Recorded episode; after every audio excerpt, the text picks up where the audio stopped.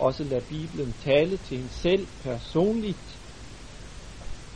Og hvordan kan man forberede sig til en ordets tjeneste, uden at man selv kommer under ordets tiltale.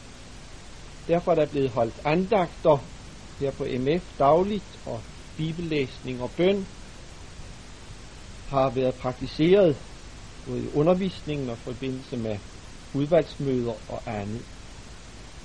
Så alt her har foregået i en atmosfære af bøn og salmesang, kan man sige. Det er ikke for meget at sige. Og der er også altid blevet givet tilbud til studenterne om sjælesorg og skriftemål og personlige vejledningssamtaler. Signalet, som skal gives her i dag, det er, at når vi tænker på fremtiden på MF, så vil vi ikke på nogen måde nedprioritere det, men snarere opprioritere denne side af sagen. Ved bevidst at satse på den enkelte students åndelige og menneskelige formning og dannelse i studietiden, både med tanke på den enkeltes egen åndelige udvikling, men også med tanke på den tjeneste, som man forbereder sig til i fremtiden.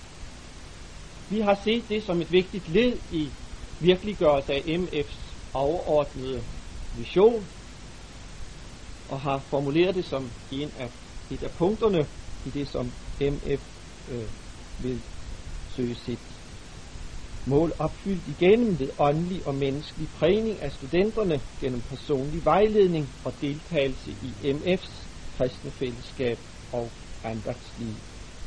Og her indgår der så to elementer, som jeg vil sige lidt mere om, og mest om det første. Det er nemlig med personlig vejledning, i dag ofte benævnt som mentoring. Med mentoring der forstås en ordning, hvor der altså etableres en fast og regelmæssig samtalekontakt mellem en vejleder, en mentor og en student, en mentoree hedder det i den her fagsprog, med henblik på at give den enkelte student både åndelig og menneskelig vejledning gennem hele studieforløbet. Der kan være tale om, at man mødes en gang om måneden, eller endnu måske lige frem hver 14. dag. Vi ønsker med tiden det her indført som en del af selve studiet ved MF, som ingen skal kunne komme uden om at deltage i. Det skal med andre ord være obligatorisk, som vi ser det i en fremtidig selvstændig, selvstændiggjort MF-uddannelse, eller det skal indgå som en forudsætning for at opnå MF-diplom i en eventuel fremtidig MF-diplomuddannelse.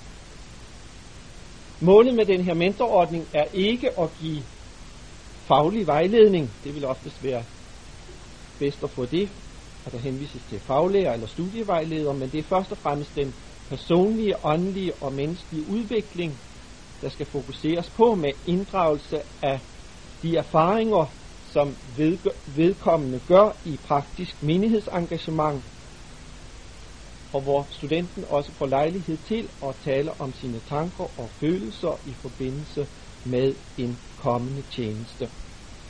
Her kommer vejlederen til og mentoren til at fungere som en samtalepartner, som giver studenten sin fulde opmærksomhed, og først og fremmest skal det man i dag kalder coache, altså fremme studentens refleksioner over sit liv, sin familiesituation, sit studium, sit menighedsengagement, sin åndelige og menneskelige udrustning og også sin fremtidige gerning. Er det sjælesorg, vi taler om her? Ja, det kan næppe og skal øh, næppe heller holdes uden for det. Men jeg mener, at det i vid udstrækning må være op til den enkelte student selv, i hvor stor udstrækning vedkommende vil gøre brug af sin mentor til den direkte, mere personlige sjælesorg. Jeg ser sådan på sagen, at MF stadig ved siden af indførelse af en mentorordning øh, skal have et tilbud om at have en studenterpræst, som står til rådighed for sjælesorg og måske ikke mindst øh, for skriftemål. Hvem skal så gå ind og være mentor for studenterne? Ja, vi har talt meget om det her som en opgave for vores lærere, som skulle kunne påtage sig denne opgave øh, ved siden af deres lærergærning. Og det fornemmer jeg, at der faktisk er en stor villighed og åbenhed hos flere af vores lærere overfor. Og det er godt. Jeg tror, at det nok er det, der i praksis vil komme til at fungere bedst. Men der er også en anden mulighed, som jeg vil fremlægge, og det er, at det er præster, enten aktive præster eller emeriti, eller andre, som arbejder i en årets tjeneste, som går ind og bliver tilknyttet som mentorer her. Det kunne være med til at knytte nogle stærkere bånd mellem MF som teologisk uddannelsessted og så den faktiske kirkelige virkelighed og den opgave, som venter vores studenter der. Det kunne eventuelt udformes, som det bliver i den nye dansk-svenske lederuddannelse, som hedder SALT, hvor hver student er fast tilknyttet en menighed under hele studieforløbet og har sin mentor der, og sådan set ikke på uddannelsesinstitutionen. Jeg synes, det er tankevækkende, at der, hvor man har gjort undersøgelser af, hvad folk, som har gennemgået en teologisk uddannelse, har haft af kritikpunkter og skal vi sige, uopfyldte ønsker i forbindelse med deres studium, der bliver en form for mentorordning meget ofte nævnt, ofte sammen med ønsket om mere præste eller anden form for menighedspraktik. Hvorfor mener vi, at der er et stigende behov for mentoring og behov for at lægge det også i nogle faste rammer? Det skyldes blandt andet, at vi lever i en tid, hvor det enkelte individ i høj grad er kommet til at stå i centrum, hvor man ikke lader, længere lader sig dirigere og bestemme kollektivt, men hvor man selv vil træffe sine beslutninger og vælge sin vej. Men det går hen og bliver alt for overvældende for mange, hvis de ikke samtidig får en konkret hjælp og støtte. Det skyldes også, at der netop til teologistudiet er knyttet mange aspekter, som kan give anledning til kampe og prøvelser, både på det menneskelige og det åndelige plan. Og sådan vil det være, også selvom MF får etableret sig som en selvstændig, øh, mere selvstændig bibeltro uddannelse. Og så er der endelig det, at selvom studenter godt kan se deres behov her, på det her område, så har de ofte brug for at få et skub i den rigtige retning for at gjort, for at gjort, for at gjort, for at gjort alvor af det. Så lidt om til sidst om andagsliv og det kristne fællesskab. Ja, øh, det, jeg har øh, formanet alle de andre til, at det kun skulle være 10 minutter. Nu står jeg her Øh, jeg kunne godt tænke mig noget med, at det her kan gøres til noget obligatorisk. og følge andagslivet på et teologisk uddannelsessted, og det er sådan faktisk på visse teologiske uddannelsessteder andre steder i andre lande.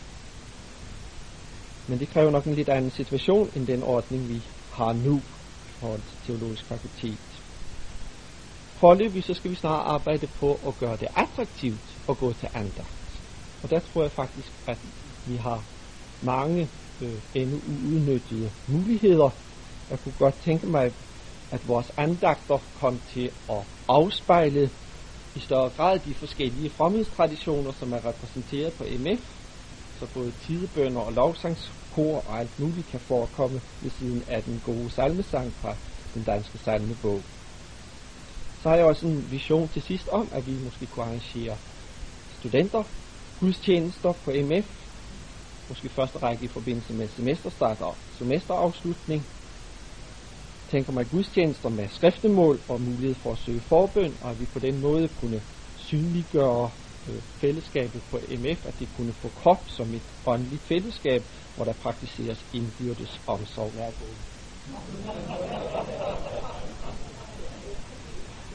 Så er, det, så er det, man ikke skal sige tak for det. Men tak for oplægget. Det næste oplæg står Per Damgaard Pedersen for. Per han er jo vores kandidatstipendiat og sidder til daglig med en doktorafhandling om Pannenbergs teologi. Men i dag har Per lovet at bidrage med emnet teologistudium og praktisk menighedsengagement. Værsgo. Tak skal du have. Jeg sad for nogle tid siden, sidste efterår, og tænkte tilbage på mit studium. Og tænkte, nej, hvor har det i grunden været godt. Kiggede rundt på alle mine bøger og prøvede at forestille mig mængden af den viden, jeg var besiddelse af nu, i forhold til mængden af den viden, jeg havde før. Og det synes jeg virkelig har været godt, studiet. Men der var alligevel også en lille sult, som ikke var blevet stillet. Der var alligevel noget, som jeg synes, jeg havde manglet. Og så begyndte jeg at skrive det her. Så begyndte jeg at skrive et program for, hvordan man måske kunne få det med, som jeg i hvert fald synes, at jeg har manglet. Ikke fordi jeg vil undvære noget, men fordi jeg synes, at der var lidt mere, det ville være godt at få med. Nemlig dels noget kirkelig erfaring, noget erfaring ud fra den kirkelige praksis, og så samtidig med det en hjælp til at reflektere over den her praksis, til at, at forstå det og vurdere det teologisk. Så jeg har lavet sådan et lille forslag til et program for, hvordan man kunne, øh, hvordan vi kunne gøre det her på menighedsfakultetet. Dels øh, lave sådan et program for at sende folk ud og vinde sig nogle praktiske erfaringer og praktiske færdigheder rundt omkring, og så dels hvordan man kunne etablere mødesteder, hvor den teologiske refleksion så kunne foregå. Og det er et lille program, som jeg vil foreslå skulle strække sig over de første fire semestre. Det første semester vil jeg foreslå, at man samledes alle de nye i en årgangsgruppe med sin årgangslærer, noget som vi allerede har kørt et stykke tid, øh, mødtes en gang om ugen til venskab, til hygge og til opbyggelse, og til at snakke om det og komme til Aarhus og skulle studere og alt sådan noget. Sådan en begyndergruppe der. De næste semester, semester 2 til 4, der kunne jeg tænke mig, at vi måske kunne sende folk ud et semester ad gangen, ud i diakoni, ud i mission, ud i kirkelivet, sådan i, øh, i fritiden at bede folk om at være tilbageholdende med at engagere sig ude i byen de første fire semester. Og i stedet for at sige, det der store engagement, som alle teologistuderende har, de der mange kræfter, de der, de der mange visioner for virkelig at gøre noget i kirken, tag og læg det engagement i hånden på os, og så vil vi gerne sende jer ud i forskellige grene af kirken, styre jeres engagement lidt, og så vil vi til gengæld sørge for, at der bliver reflekteret over det, og at, øh, at I får mulighed for at få hjælp til at, at gøre nogle teologiske overvejelser om dels diakoni, mission og kirke, og dels om nogle overvejelser om, øh, hvad, hvad dine gaver og muligheder er, hvor din fremtid går. Det er også et åbent spørgsmål for mange, når de begynder.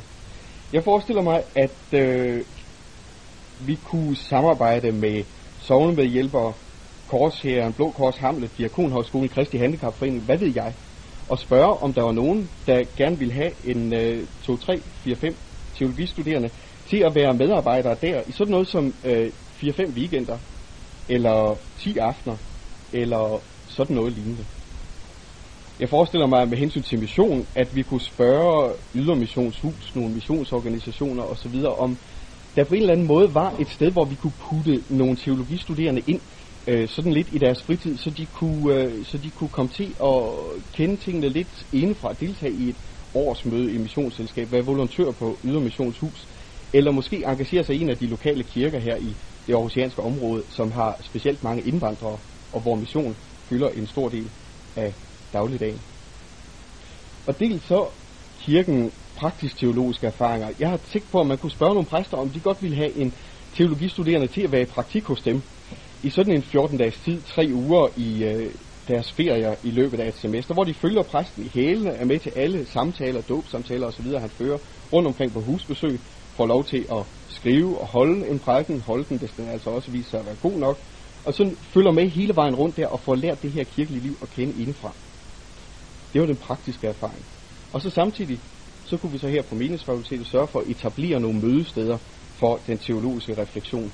Nogle vejledergrupper, kunne man kalde dem, hvor studerende, der er ude i sådan det samme område, samles og taler med en lærer om det, taler om hvilke opgaver har kirken her, hvad er det, der brænder på, hvad er den største opgave inden for diakoni, hmm. og hvordan, lidt mere personligt, hvordan har du det selv, når du sidder der over for en misbruger og skal prøve at hjælpe ham lidt på vej. Er det noget, er det noget du kunne tænke dig at gøre mere ved? Ligger det ligesom til dig? Har du brug for noget mere? Og så samtidig give de studerende til opgave at læse et stykke litteratur om det og skrive en lille rapport. Det er sådan i enkelhed, i al enkelhed, øh, mit forslag til, til programmet her. Øh. Lad mig nu komme med argumenterne for det. Der er tre argumenter. Det første argument lyder sådan her, at det skulle vi gøre for kirkens skyld. Fordi diakoni, mission og præstearbejde er kirkens tre store opgaver. Og jeg tænker mig lige meget, hvor vi bliver placeret henne i verden og i det kirkelige liv som teologer, der vil det altid være, der vil de her opgaver, tre opgaver, altid være inden for vores synsfelt på en eller anden måde, så sandt vi er med en menighed i en eller anden slags. Og det vil være godt, hvis vi som teologer med vores teologiske uddannelse og udrustning kan bruge vores teologiske viden til at reflektere over den aktuelle situation i menighedsarbejdet, til at give vejledning, til at give inspiration, øh, til at forstå de problemer, der popper op sådan hele tiden. Det andet argument, det lyder for den enkelte skyld. Og her kommer et citat. Det er for mig at se utrolig vigtigt, at de studerende får en helt anden appetitvækker fra studiets start, end det sker i øjeblikket. Jeg tror, vi har mistet gode studerende, som bare ikke kunne klare den hårde og tørre start på studiet, som den er i dag. Det ville i høj grad være en fordel at kunne snuse til både tekstfortolkning og, og praktik i det første år, så man på et reelt grundlag kan vurdere, om det her er noget for mig, og om ikke endnu vigtigere, for appetit på resten af studiet. Sådan skriver Bent Skovhus Christensen, der nu er, er sovnepræst i sæden. Han har altså siddet og kigget tilbage på sit studium, og har konstateret, at det var et dejligt og godt studium, og han sikkert ikke ville undvære noget af det, men der var altså en lille sult, der ikke var blevet stillet her, og starten havde været hård. Her kommer man som teologistudent, man vil, ja man ved ikke, hvad man skal være i fremtiden, men man er spruttende fuld af engagement. Jeg skal noget i kirken her. Jeg skal noget for evangeliet. Og så bliver man sat til at bøje latinske verber, og kunne citere Kant og Augustin, og den slags. Det er hårdt, det første stykke tid i studiet. Det er virkelig hårdt på den måde. Det tredje argument, det er for fællesskabets skyld. På menighedsfakultetet har vi viden og holdninger fælles. Vi ved noget om teologi og kirkeliv, og vi vil gerne være Bibelens tro. Det præger fællesskabet. Men det er et ret smalt fællesskab. Vi har ikke ret mange erfaringer at være fælles om. Og når man nu tænker på, hvor fedt det er at være sammen på en formatur, så er der noget at snakke om. Folk er fælles om noget, og der bliver udvekslet erfaringer til langt ud på natten. Folk siger hinanden noget og bliver mere end bare studiekammerater. Hvad med, om vi lavede et program for indsamling af fælles erfaringer og lavede mødesteder for udveksling af erfaringer? Og det skriver altså jeg selv, da vel nok at den, eller i hvert fald en af dem her, en af de studerende lige nu, der har, der har mest erfaring med at studere på menighedsfakultetet. Tak for jeres opmærksomhed.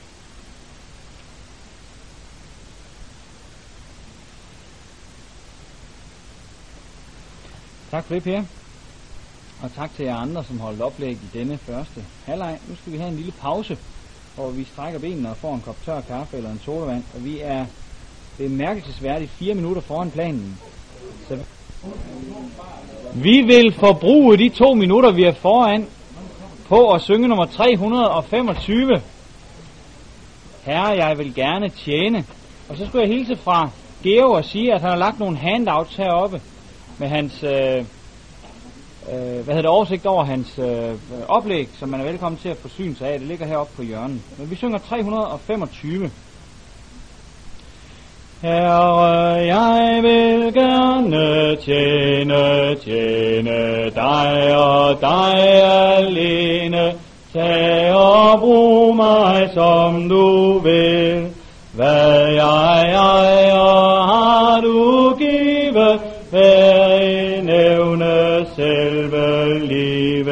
dig det hele hører til. Led mig frelser ved din nåde, og så når jeg selv vil råde, og vil gå min egen vej.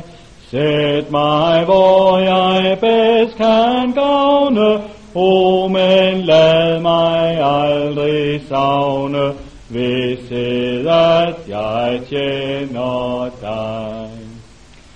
I de næste 40 minutter, der skal vi høre de resterende fire oplæg, for, før vi går over til drøftelsen senere. Vi sætter gang i stopuret. Det første oplæg står Christian Mølgaard for. Christian han er læge og arbejder til daglig som lektor ved Forskningsinstitut for Human Ernæring på Landbo Højskolen. Og Christian sidder også i MF's bestyrelse. Vi har bedt ham om at behandle emnet MF set fra et universitet. Værsgo. Ja, tak for det. Øh, først vil jeg sige, at øh, jeg har ikke nogen forstand på teologi, og det er jo ikke nogen kvalifikation i sig selv. Så jeg har valgt ligesom at prøve at se på MF ud fra et, øh, valgt det ud fra et universitet, og dermed prøve at se på fordele og ulemper ved nogle af de ting, vi har her på MF, set i relation til MF som, et, øh, som en selvstændig øh, akademisk institution. Og jeg starter med at se på, hvilke fordele har vi egentlig her på MF. Øh, vi har øh, i hvert fald umiddelbart øh, den fordel, at vi er fri for offentlig administration og regler og den slags ting. Det giver MF en øget fleksibilitet, også mulighed for at tænke anderledes. Vi har lov til at målrette vores forskning og vores undervisning efter egne og også efter aftagernes ønsker. Øh, vi kan her på MF der er vi mulighed for at vælge vores egen profil, både undervisningsmæssigt og forskningsmæssigt. Og det spørgsmål det er så, om vi gør det, eller efter er vi universiteterne. Vi kan også øh, samarbejde frit med dem, vi gerne vil samarbejde med. Vi kan tilpasse os øh, internationale systemer, for eksempel med bachelor, og master og phd grader måske før universitetet, hvis det er det, vi vil. Øh, når jeg ligesom øh, hører om for eksempel det teologiske kvalitet, så virker det meget stereotypt og konservativt i forhold til moderne tankegang på øh, universiteterne, synes jeg. Øh, fleksibilitet i opbygningen af studier, kurser ved andre universiteter med videre, er nogle af de ting, som man satser på mange steder. Og her mener jeg, at her har MF en mulighed for at gøre noget, der er anderledes. Øh, der kommer, når, hvis man, når man er på et universitet, så kommer der hele tiden papir omkring internationalisering, for det er nemlig et nøgleord i universitetsverdenen i dag. Og her kunne MF på mange måder stå fri og komme foran, fordi vi faktisk er nødt til at samarbejde internationalt, fordi der måske ikke er så mange, der vil samarbejde med os her i landet. Og øh, her kan de grader, som forskellige lærere har fået ved udenlandske universiteter, måske være en fordel. Det er faktisk en form for internationalisering, selvom det måske er påtvunget. Øh, og jeg, jeg vil også fremhæve noget andet, som jeg synes, at øh, ligesom præge MF. MF er bare præget af en eller anden form for græsrodsbevægelse. Vi har engageret medarbejdere, som selv har skabt institutionen. Øh, og der er også produceret relativt mange afhandlinger inden for de sidste 10 år. Jo, vi har mulighed for at opbygge et trygt og udfordrende miljø for studenterne, og dermed tiltrække også flere studenter, for det er jo en vigtig, det er jo utrolig vigtigt for en institution, både enten den offentlige eller det er en institution som MF, at vi kan tiltrække studenter. Øh, det er sådan, at, øh, at det mærker man snart på institut, hvis man ikke kan tiltrække studenter, fordi så, ned, øh, så får man ikke så mange penge fra, fra de centrale øh, administration. Så derfor er det at tiltrække studenter er jo noget, der både øh, er vigtigt for MF, men også for alle andre institutioner. Så der har vi nogle fælles øh, ting. Men der mener jeg, at vi har mulighed for at opbygge, øh, vi har ligesom frihed til at kunne opbygge MF på en anden måde, og dermed også med til at tiltrække flere. Øh, så vil jeg også prøve at fokusere noget på de udfordringer, vi står overfor øh, på MF. MF, det er, vi, vi, vi er lille, vi er små, hedder det vist. MF er lille, og det kan være både en fordel øh, og en ulempe. Altså, der er en risiko for, at man bliver isoleret. Vi er, vi er også sårbare, kan man sige. Alt hænger menneskeligt talt på ganske få personer. Øh, vi har ikke ligesom det store universitetssystem at læne os op af i, i sådan situationer, hvor vi, hvor vi øh, men alt hænger ligesom på meget, meget få personer. Og, vi, og MF skal ligesom udvikle sig selv både undervisningsmæssigt og forskningsmæssigt. Har vi ressourcerne til det? Det er ligesom det, det store spørgsmål. Så er der også nogle ting, som, som vi måske ikke har så stor erfaring i. Vi mangler erfaring med afvikling af eksamen, for eksempel. Øh, med, øh, med, med specialer og så videre i, i en vis grad. Øh, det er en stor og væsentlig opgave, som vil være helt afgørende for, en, for institutionen i tilfælde af eksamensret. det er med at kan øh, af, afvikle eksamen på en tilfredsstillende måde med niveau, sensorer osv. Der ligger en stor udfordring og venter. Øh, og ofte så giver afvikling af eksamen jo også stof til eftertanke med henblik på ændringer og af undervisning osv. Så, videre. så der er der nogle ting, hvor man kan bruge eksamen også som form for feedback til ens øh, undervisning. Hvis vi ser på sådan noget som forskningsledelse, hvis man ser, når man ser på opslag, øh, øh, opslag øh, med henblik på professorater for eksempel, så er forskningsledelse en af de helt afgørende kvalifikationer, når man skal besætte professorat. Og øh, det, at man har vist, at man selv kan skaffe penge til sin forskning og lede forskningsgrupper og også lede Ph.D.-studerende igennem, øh, det er øh, det er nogle afgørende kvalifikationer i det offentlige universitetssystem, når man skal, øh, når man skal besætte professorater. Og det er på mange måder en svær at få den erfaring i, øh, i vores øh, miljø øh, på sådan en lille institution.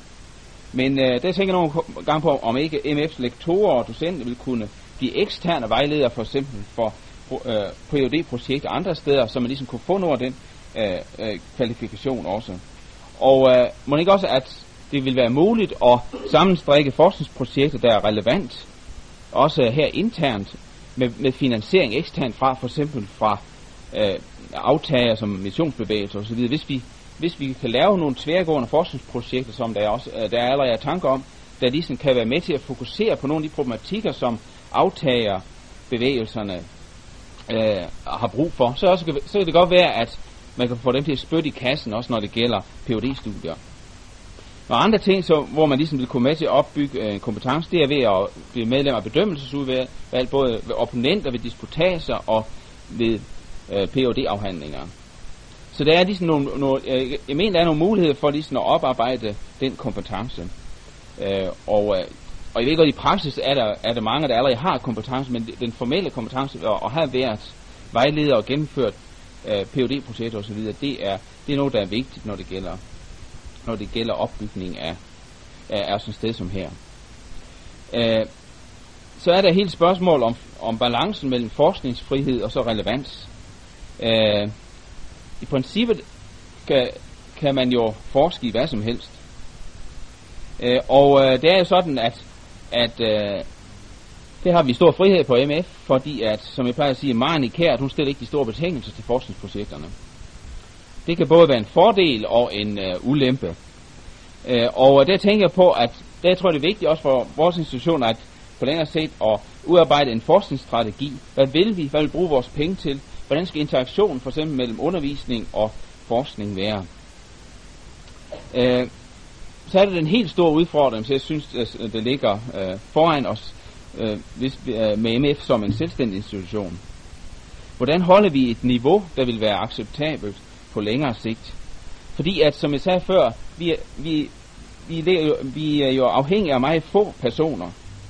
Og det, man kan sige, at vores eksamensret og også vores forpligtelse for sådan en, den skulle nødigt få duft med en enkelt blodprop. Og her mener jeg, der ligger den helt store udfordring øh, fagligt og ressourcemæssigt. Hvordan sørger vi for hele tiden at få nye øh, yngre, øh, unge lærere ind? Hvordan, øh, hvordan skaffer vi de ressourcer, så vi har det flow igennem, så vi ikke øh, bliver helt sårbare, så, så nogle fag kommer til at hænge på, på en eller to personer.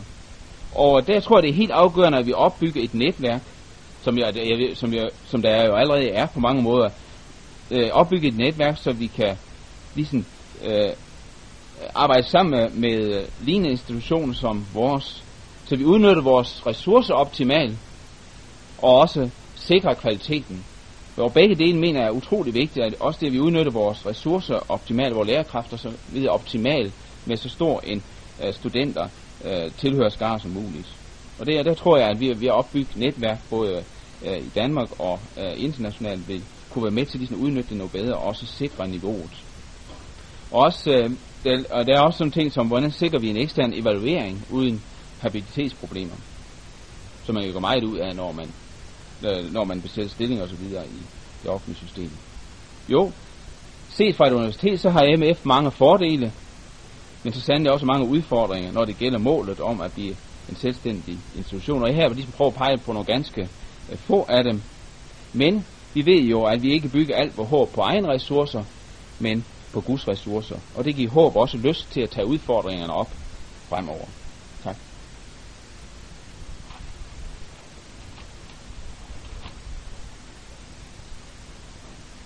Vi siger også tak, Christian. Vores studerende, de færdes jo både på universitetet og her på MF, og øh, de får tilbud og udfordringer begge steder. Sådan spiller klaveret, så længe MF ikke har eksamensret.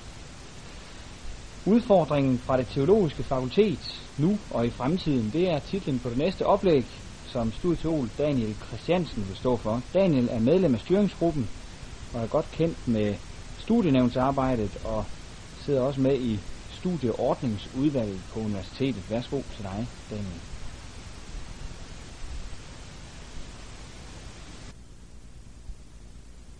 Vores bevidsthed her på stedet som en, en vigtig dato. Og sådan har det nok ikke mindst været for os, som indgår i SFU, en gruppe, som her i efteråret blev nedsat af de styrende organer på MF med det formål at fungere som det, er det der ligger i de her mystiske bogstaver, styringsgruppe for arbejde med planerne for MF's fremtid.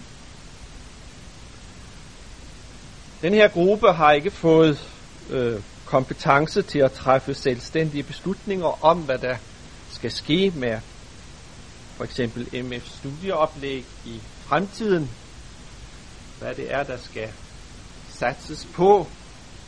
Men øh, vores opgaver har alene bestået i at diskutere og styre processen frem mod en fremlæggelse af nogle af de muligheder, som i den her sammenhæng kan være aktuelle. Og herefter bliver det op til de styrende organer at tage konkret stilling til de forskellige forslag.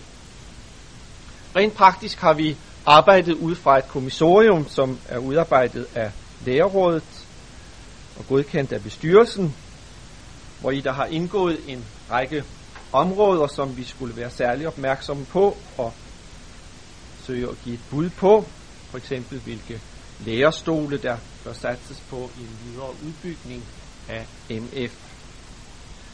Det, der sker i dag, det er ikke en fremlæggelse af, hvad vi som gruppe er kommet frem til på alle de her områder, som indgår i vores kommissorium. Det må vi senere vende tilbage til over for dem, der har nedsat os. Men denne dag er tænkt som en høring, hvor vi fra SFU's side vil fokusere på en række emner, som vi er blevet opmærksomme på, og i processen undervejs er blevet optaget af. Der vil vi gerne fremlægge nogle af de tanker, som vi har gjort os, så alle kan få lejlighed til at høre om og blive bekendt med nogle af de overvejelser, som er i gang, og vi vil modsat med meget stor interesse lytte til og således høre, hvad andre har gjort sig af tanker om NF's fremtid. Så det er det, vi vil forstå ved en sådan høring. Personligt er jeg meget optaget af, at den proces, som vi er enige nu omkring fremtiden på MF, at det er noget, der skal foregå på alle planer, ikke kun en bestyrelses- eller repræsentantskabssag eller en sag for lægerne, men også i, i høj grad fra studenterne og alle brugere og venner af NF. Og dem har vi heldigvis mange af. At vi sammen kan nå frem til at sige, ja, det er det her, vi vil med vores MF. Det er det, vi vil skal ske. Den her vej vil vi gå i fællesskab. En sådan øh, samling omkring tingene og fornemmelse af ejerskab i forhold til MF. Sagen var nok tydeligere i de første år af MF's historie. Naturligt nok, kan man sige. Men jeg tror, vi skal forsøge at bevæge os i samme retning. I dag, vi ønsker igen at se studenter, som uden at blinke vil sige, vi er MF. Vi har en vision for stedet her. Fra SFU's side har vi forsøgt at nyformulere visionen for og bag MF. Den er ikke mere endelig formuleret, end hvis nogen i dag kan vise, at der er væsentlige mangler eller aspekter, øh, som burde med, så er vi åbne over for justeringer. Men vi har fremlagt noget, som vi har fundet er væsentligt at få sagt om visionen for stedet her. Det er tidligere blevet offentliggjort i forskellige blade og på MF's hjemmeside, og jeg skal ikke her bruge tid på at gennemgå og begrunde de enkelte punkter. Jeg håber, at de indlæg, som vi skal lytte til, vil gøre, at vi også kan se en sammenhæng til den her vision. Så vil jeg sige øh, om dem, som vi har bedt om at komme med oplæg her i dag, at det ikke er alle af dem, der indgår i SFU. Øh, men vi har tidligere her afholdt en høring, specielt for studenterne, hvor forskellige synspunkter kom frem, som vi også gerne ville skulle blive gentaget her i dag. Og vi har også i SFU modtaget vægtige bidrag undervejs, som vi har fundet bør repræsenteres i dag. Vi har valgt en åben linje med en offentlig høring om MF og dens fremtid, hvor vi vil dele vores vision med jer, med alle vores venner. Men det er klart, at der kan være emner, som vi ikke vil kunne svare på i det her åbne forum. Det beder jeg jer om at have forståelse for. Det vil i så fald gælde sager, der snarere hører hjemme under bestyrelse og lærerråd, og som vi heller ikke har sådan set drøftet i SFU. Men med de her indledende ord, så vil jeg, efter den her velkomst, så vil jeg overlade til Michael Nygaard, vores landsekretær, for styre slagets gang videre. Værsgo. Ja, tak til dig, Ingolf. Det er dejligt at se en øh, god flok aktionærer her til vores aktionærmøde i dag. Øh, jeg kom til at lukke op for fjernsynet den anden dag, og der var noget med, at, at man i Jyske Bank havde nogle kontroverser mellem ledelsen og aktionærerne, og sådan noget skal man jo passe på med. Man skal passe på, at aktionærerne er med i det, som man laver. Det øh, er jo sådan lidt øh, fjollet måde at få udtryk på, at vi håber meget, at vi igennem den dag her kan øh, få nogle meldinger fra jer, som udgør nogle vigtige personer i vores bagland og i vores brugerflok. Vi skal nu til at over til den række af oplæg, som øh, Ingolf nævnte, og vi har bedt otte personer om at belyse hver sit område, som MF fremover må tage stilling til og arbejde i lyset af. Og som Ingolf også var inde på det, så er de fire af øh, disse oplægsholdere medlemmer af styringsgruppen for MF's fremtidige udvikling, SFU, som også er arrangør af dagen i dag.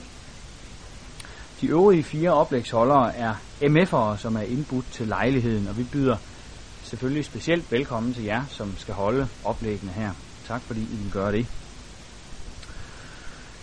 Fælles for alle jer otte, som skal have øh, oplæggene, er jo, at I har et stort og sprængfyldt hjerte for MF. Og da det jo som bekendt er sådan, at hvad hjertet er fyldt af, eller sprængfyldt af, det løber munden over med, så vil vi endnu en gang indskærpe, at oplæggene, de får 10 minutter per styk. Og jeg vil sidde og følge med på stopuret og øh, tage tryklufthornen frem og blive ubehagelig og sådan noget, hvis, hvis det tager længere tid. Men øh, hold lige selv øje med uret, så vi slipper for alt det der halløj. 10 minutter per mand. Øh, til tilhørende skal jeg sige, at spørgsmål til oplæggene, dem vil vi gemme til efter kaffepausen. Vi holder to pauser i dag. Øh, sådan en lille en med en kop øh, tør kaffe, og så den egentlige kaffepause, som slutter klokken 15. Og klokken 15, der går vi i gang med vores drøftelse, hvor oplægsholderne vil sidde heroppe og danne panel, og så kan man skyde løs. Men vi vil gemme vores spørgsmål til da, for ellers så kan det hurtigt gå sådan, at, at tiden den øh, flyver afsted og, og går meget, meget hurtigt. Så husk at notere dine spørgsmål ned undervejs øh, når du hører oplæggene, så du kan huske dem til den tid. Men nu vil vi altså ikke spille tiden med regibemærkninger, men vi vil i stedet give ord til vores adjunkt i Nye Testamente, Georg Adamsen, som har emnet MF i Guds frelsesplan. Værsgo til dig, Georg. Tak for det. Det er ikke lige, at jeg kan snakke i to sekunder. skal lige have fisket noget frem til jer her.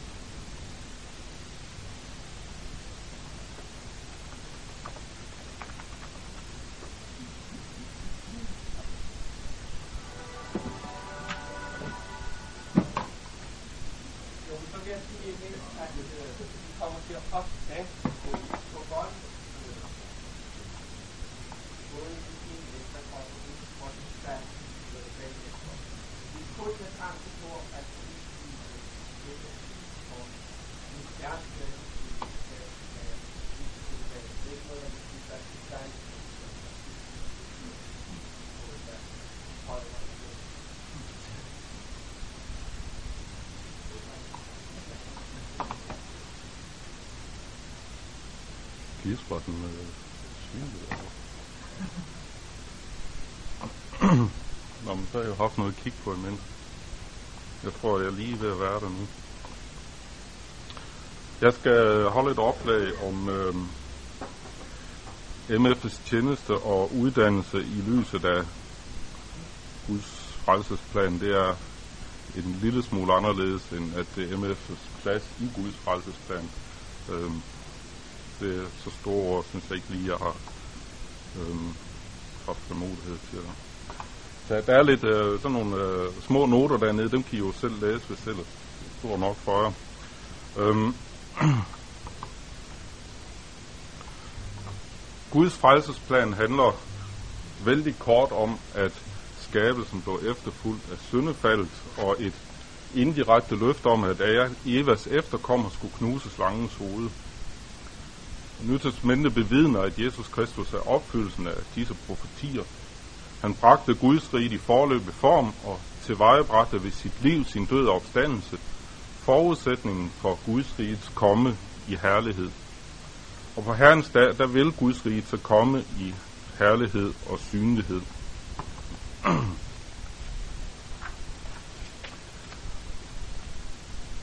Herrens dag bringer frelse og evigt liv, men også dom og evig fortabelse.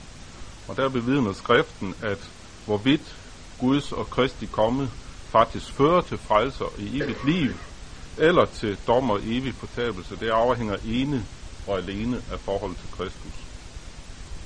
Og derfor er kirkens vigtigste opgave at forberede alle på at møde Kristus, ved at gøre dem til Jesu disciple, ved at døbe dem i den trine Guds navn, og ved at lære dem at holde alt, hvad Jesus har befalet. Det har konsekvenser for forståelsen af MF, for det betyder, at MF's uddannelse ingen anden eksistensberettigelse har, end at bidrage til denne heldigvis mange facetterede opgave. Og det vil sige, at MF's teologiske uddannelse, det er derfor per definition en uddannelse til en missional og pastoral opgave. Det vil sige til en tjeneste for at vinde nye og værne, lede og vejlede dem, der er kommet til tro. Og det betyder, at teologer skal uddannes til at kunne nogle ting.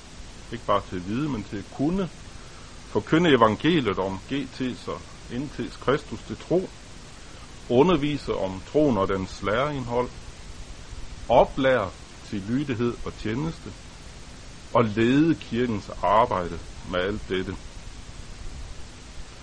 Og øhm, for at kunne gøre alt det, så må, er der nogle ting, man må lære. Skidt så.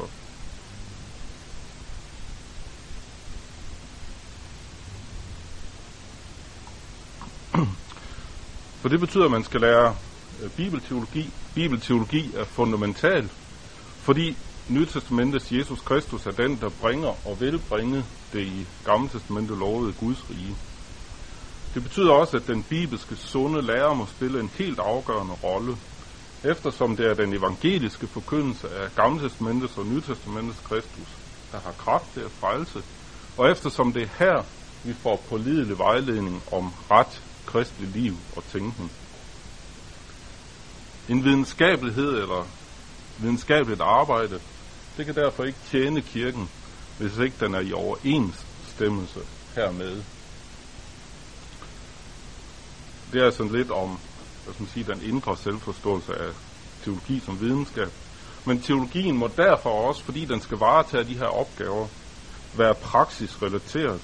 Det skal den både i sine positive sider, når vi siger, hvad er det, vi skal. Og det gælder også i dens kritiske sider, når den kritiserer kirken, organisationer, samfundet og også den øvrige videnskab. Det må alt sammen afstemmes efter den grundlæggende mandat, vi har. Nu er det nok sådan, at i det 21. århundrede, så er der ikke længere i Danmark et klart skæld mellem en præst og en missionærs arbejde. Danske præster må drive mission blandt dem, der ikke lever i tro og på og lydighed mod Kristus, og det gælder uanset om de er nye eller gamle danskere. Danske præster skal på ny opbygge menigheder, og danske præster skal lære nye og gamle disciple at holde alt, hvad Jesus har befalet. Danske præster skal også oplære menighederne til at være i mission. Og endelig så skal danske præster værne menighedernes tro og lære mod vrangliv og vranglære. Alt det er også missionale opgaver. Det er også pastorale opgaver. Det skal man kunne, og det giver for øvrigt et godt udgangspunkt for os at virke i andre lande, selvom der nok skal mere til end det. Hvis man vil til Tanzania for eksempel. Fordi dansk sovn er blevet en missionsmark, så betyder det også, at praktisk teologi og missionsvidenskab ikke kan skilles ad længere. Praktisk teologi og missionsvidenskab er og må derfor på samme tid være særskilte fag, som vi skal studere, og grundlæggende perspektiv i alle fag. Det skal altså være særskilte og prioriterede forsknings- og undervisningsområder. Det kræver forskning og udvikling af en praktisk vestlig missiologi. Vi må tage alvorligt, at der skal drives mission i danske sovne. Men samtidig skal sådan lærer også bidrage til, at praktisk teologi og mission bliver det grundlæggende perspektiv i al MF's virksomhed, og derfor også i al forskning og undervisning på MF uanset formel fagdefinition.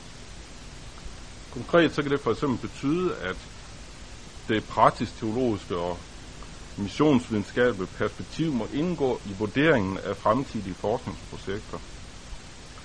Og det bør også fungere praktisk på den måde, at det hjælper os til at vælge undervisningstemaer og være perspektiv på alle fag, lige fra Gamle Testamente til liturgik.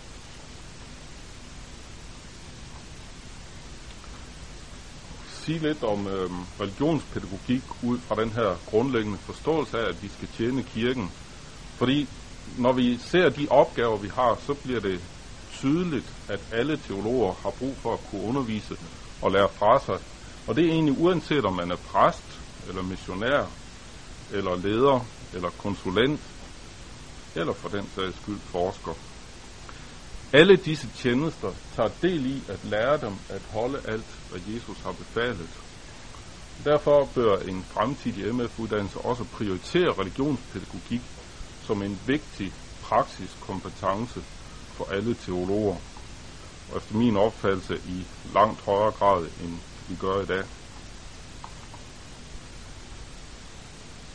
Endelig så, øhm, fordi at teologi er en praksisvidenskab, så skal teologer ikke kun uddannes, men også selv dannes til at leve et selvstændigt liv.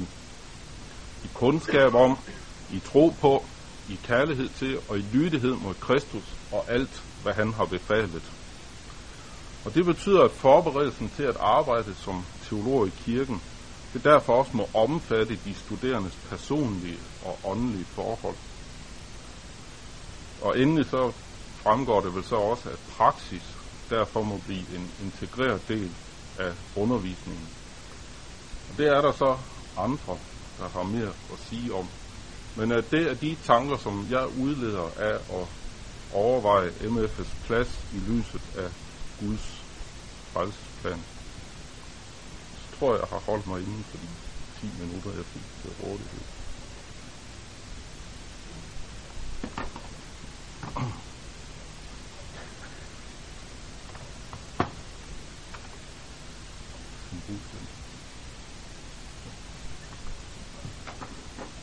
Ja, tak for det, Georg.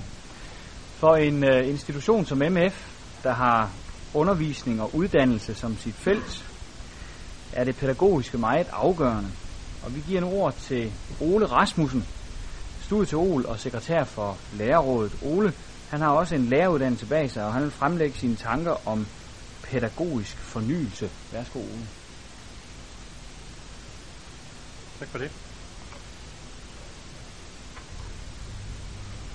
Jeg har lige en overhead, jeg skal have lagt på her.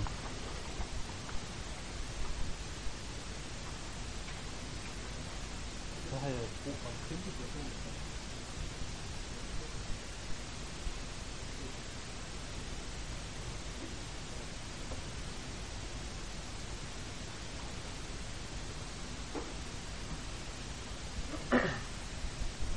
Pædagogik.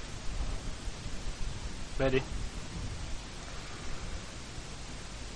Det øh, har jeg samtidig spurgt nogle teologer om. Nogle af de her, der underviser her på MF, og øh, også på den anden side af gaden. Og øh, der er ikke så mange, der ved så meget om det, har jeg indtryk af. Det er ikke øh, noget negativt at sige om de personer, fordi de har en uddannelse i noget helt andet. Derfor er øh, fraværet af en hel masse øh, pædagogiske overvejelser ikke øh, en skam, men det er alligevel lidt en skam. Jo. Det, at øh, man ikke har spekuleret en voldsom masse over pædagogik, det betyder, at vi kommer til at gøre, som vi plejer, fordi vi gør, som vi plejer. Fordi vi har nu engang lært øh, at sidde til forelæsninger og lære teologi, så det er den måde, man lærer teologi på. Så når man så engang selv bliver teologisk lærer, så gør vi, som vi plejer, fordi vi gør, som vi plejer, fordi det har nu altid været udmærket. I løbet af de senere års tid har der været forskellige røster, der har kritiseret øh, pædagogikken. Og øhm, som jeg sagde før, så er det sket både her og hisset. Og øhm, det har så også øh, et eller andet sted, så er der sket noget. Øh, der er sket det, at der er kommet nogle nye cirkulære. Der er kommet nogle krav om, at når der skal øh, besættes stillinger ved øh, højere læreanstalter i Danmark, så skal der øh, blandt andet laves en pædagogisk vurdering. Og øh, nye adjunkter og lektorer skal igennem en adjunktpædagogisk uddannelse. Det har været med til at bevirke, at man også på MF har sat de ting på dagsordenen. Og øh, da jeg blev ved med at snakke højt, så blev jeg puttet i udvalget. Øhm, og øh, det her udvalg har så arbejdet med øh, her på MF og til dels i samarbejde med DBI og øh, tænke på, hvordan kunne man lave et adjunktpædagogisk uddannelsesforløb. I tillæg til det, der har man så besluttet fra øh, lærerrådet på øh, MF, at man vil lave et pædagogisk seminar. Et pædagogisk seminar, som har øh, status på øh, samme højde med, hvad hedder det, MF's forskerseminar, så der faktisk en gang hvert halve år bliver øh, et seminar, hvor der vil blive fokus specielt på de pædagogiske emner. Og øh, det synes jeg er meget spændende og meget løfterigt. Så er der i hvert fald mulighed for en gang hver halve år at få sat de ting på dagsordenen. I pædagogisk udvalg har vi arbejdet med at lave et katalog og overveje noget om forskellige undervisningsmetoder øh, og principper og ting. Det handler om, at man arbejder fortsat med forelæsninger, dem skal vi ikke smide ud af med badevandet. Det er en vigtig ting at forelæse på en institution som den her. Gruppearbejde, som man traditionelt har arbejdet meget med, skal selvfølgelig heller ikke smides ud, men skal måske også revurderes og redefineres måske endda.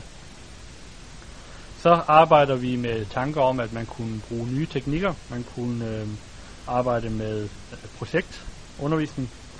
Man kunne arbejde med noget, der hedder case teaching. Og så er der selvfølgelig også øh, spændende tanker om tværfaglig undervisning og tværdisciplinær undervisning. Det er en hel masse svære ord og teknikker, som øh, vi sagtens kunne bruge meget tid på, men det er tiden jo altså ikke til. Øh, men det er væsentligt at være opmærksom på, hvad det er, vi gør, når vi gør det, vi plejer. Og der vil jeg bruge mig selv som eksempel. Jeg har læst teologi nu i snart tre år. Og jeg har gjort en fantastisk opdagelse. Det er, at når nu lærerne står og underviser og refererer til øh, en bog, og refererer til en bog mere, og en hel masse andre bøger, og siger, nu skal vi huske at læse en kommentar, og læse helst den på, på tysk og på 300 sider, så har jeg fundet ud af, at det er så ikke nødvendigt. Man behøver slet ikke at læse nogle bøger for at blive teolog. Det kan godt være, at man sådan lige skal have ved dem og blade dem, blade dem igennem for at se, hvad det lige er, de handler om. Men øh, det er faktisk slet ikke nødvendigt. Fordi man skal bare komme til timerne og høre, hvad læreren siger, og måske nå at skrive det ned. Fordi læreren fungerer som en bog. Det er simpelthen fantastisk. Så kan man hurtigt smutte igennem sådan en uddannelse. Og øhm, så er det jo ikke noget problem. Se, der er bare den lille hage ved det, at den dag man skal til selv at arbejde, så har man glemt, hvordan det er. Eller nogen har måske aldrig fået det lært. Det vil sige, at man rent faktisk kommer til at passivisere de her studenter, som sidder der. Fordi de har fundet ud af, at det er slet ikke nødvendigt at gå ind og kigge på biblioteket. Det jeg vil sige med det her, det er, at da jeg selv gik på lærerseminariet i 80'erne, der var noget af det, vi talte allermest om i pædagogikken, det var skjulte dagsordner i undervisningen. Skjulte dagsordner, som ligger inde bagved, og som man måske ikke engang som lærer altid er opmærksom på, hvad det, der foregår. Det er noget af det, der sker her med forelæsningerne, at læreren kommer til at fungere som bogen, den åbne bog, som vi så kan komme og læse i. Og så øh, øh, får vi passiviseret den studerende.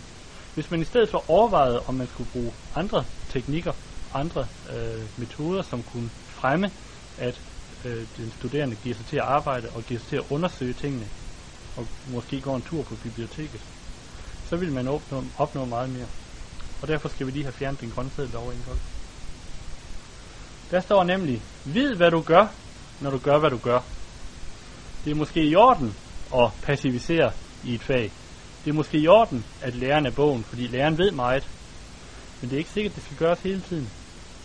Så det er øh, noget af det vigtigste at bevidstgøre den øh, teologiske underviser om. Hvad er det, man gør, når man gør, hvad man gør? Og det er noget af det, som vi i pædagogisk udvalg her på, på stedet ser som vores vigtigste opgave, at bevidstgøre underviserne om netop, hvad det er, man gør, når man gør, som man gør. Jeg tror, jeg vil holde her. Tak.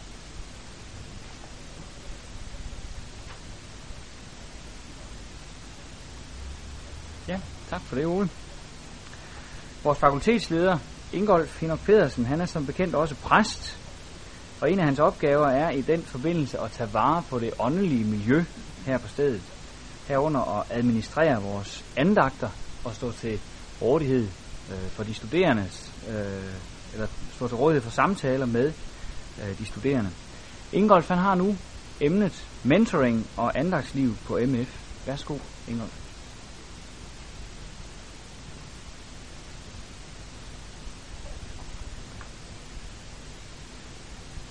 Ja, mentoring og andagsliv på MF skal jeg prøve at sige noget om. For bare en uge siden, så havde vi øh, besøg af professor Viggo Mortensen fra det teologiske fakultet i Aarhus.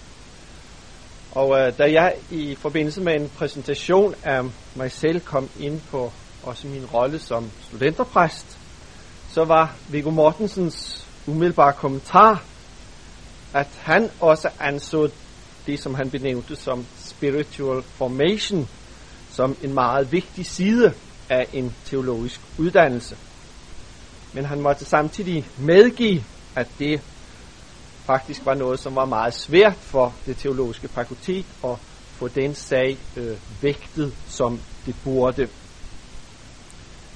Tilsvarende, kan vi sige, oplevede vi ved øh, politikerbesøget her, vi havde på MF her i februar, da kirkeudvalget og kirkeministeren og nogle fra kirkeministeriet var på besøg, at der blev meget, vist meget stor forståelse for, at den kirkelige, man kan kalde kirkelige og åndelige side af en præsteuddannelse altså er noget vigtigt. Det giver nogle præster, som kan deres håndværk, som en af politikerne udtrykte det. Så han havde forstået, at til en god præstuddannelse, der hørte der noget andet og mere end de akademiske færdigheder og teorier. For os her på MF har vi jo altid forstået det her. Det har altid stået som noget øh, helt centralt vigtigt og forskellige, at på forskellige måder til gode se studenternes åndelige liv og udvikling. Det har været et stærkt ønske, at vi som teologisk institution kunne give vores studenter noget, ikke kun for hovedet, men i høj grad også for hjertet, ved at være med til at præge deres åndelige liv og udvikling. Og derfor er der heller ikke noget overraskende i, at det faktisk er kommet med i MF's vedtægter, selveste formålsparagrafen, at vi ved siden af at drive forskning og undervisning på Bibelens og bekendelsens grund, også ser det som en hovedopgave at vække, som det står, at vække og bevare sand kristligt liv hos de studerende. Det er formuleret sådan for nogle år siden efterhånden.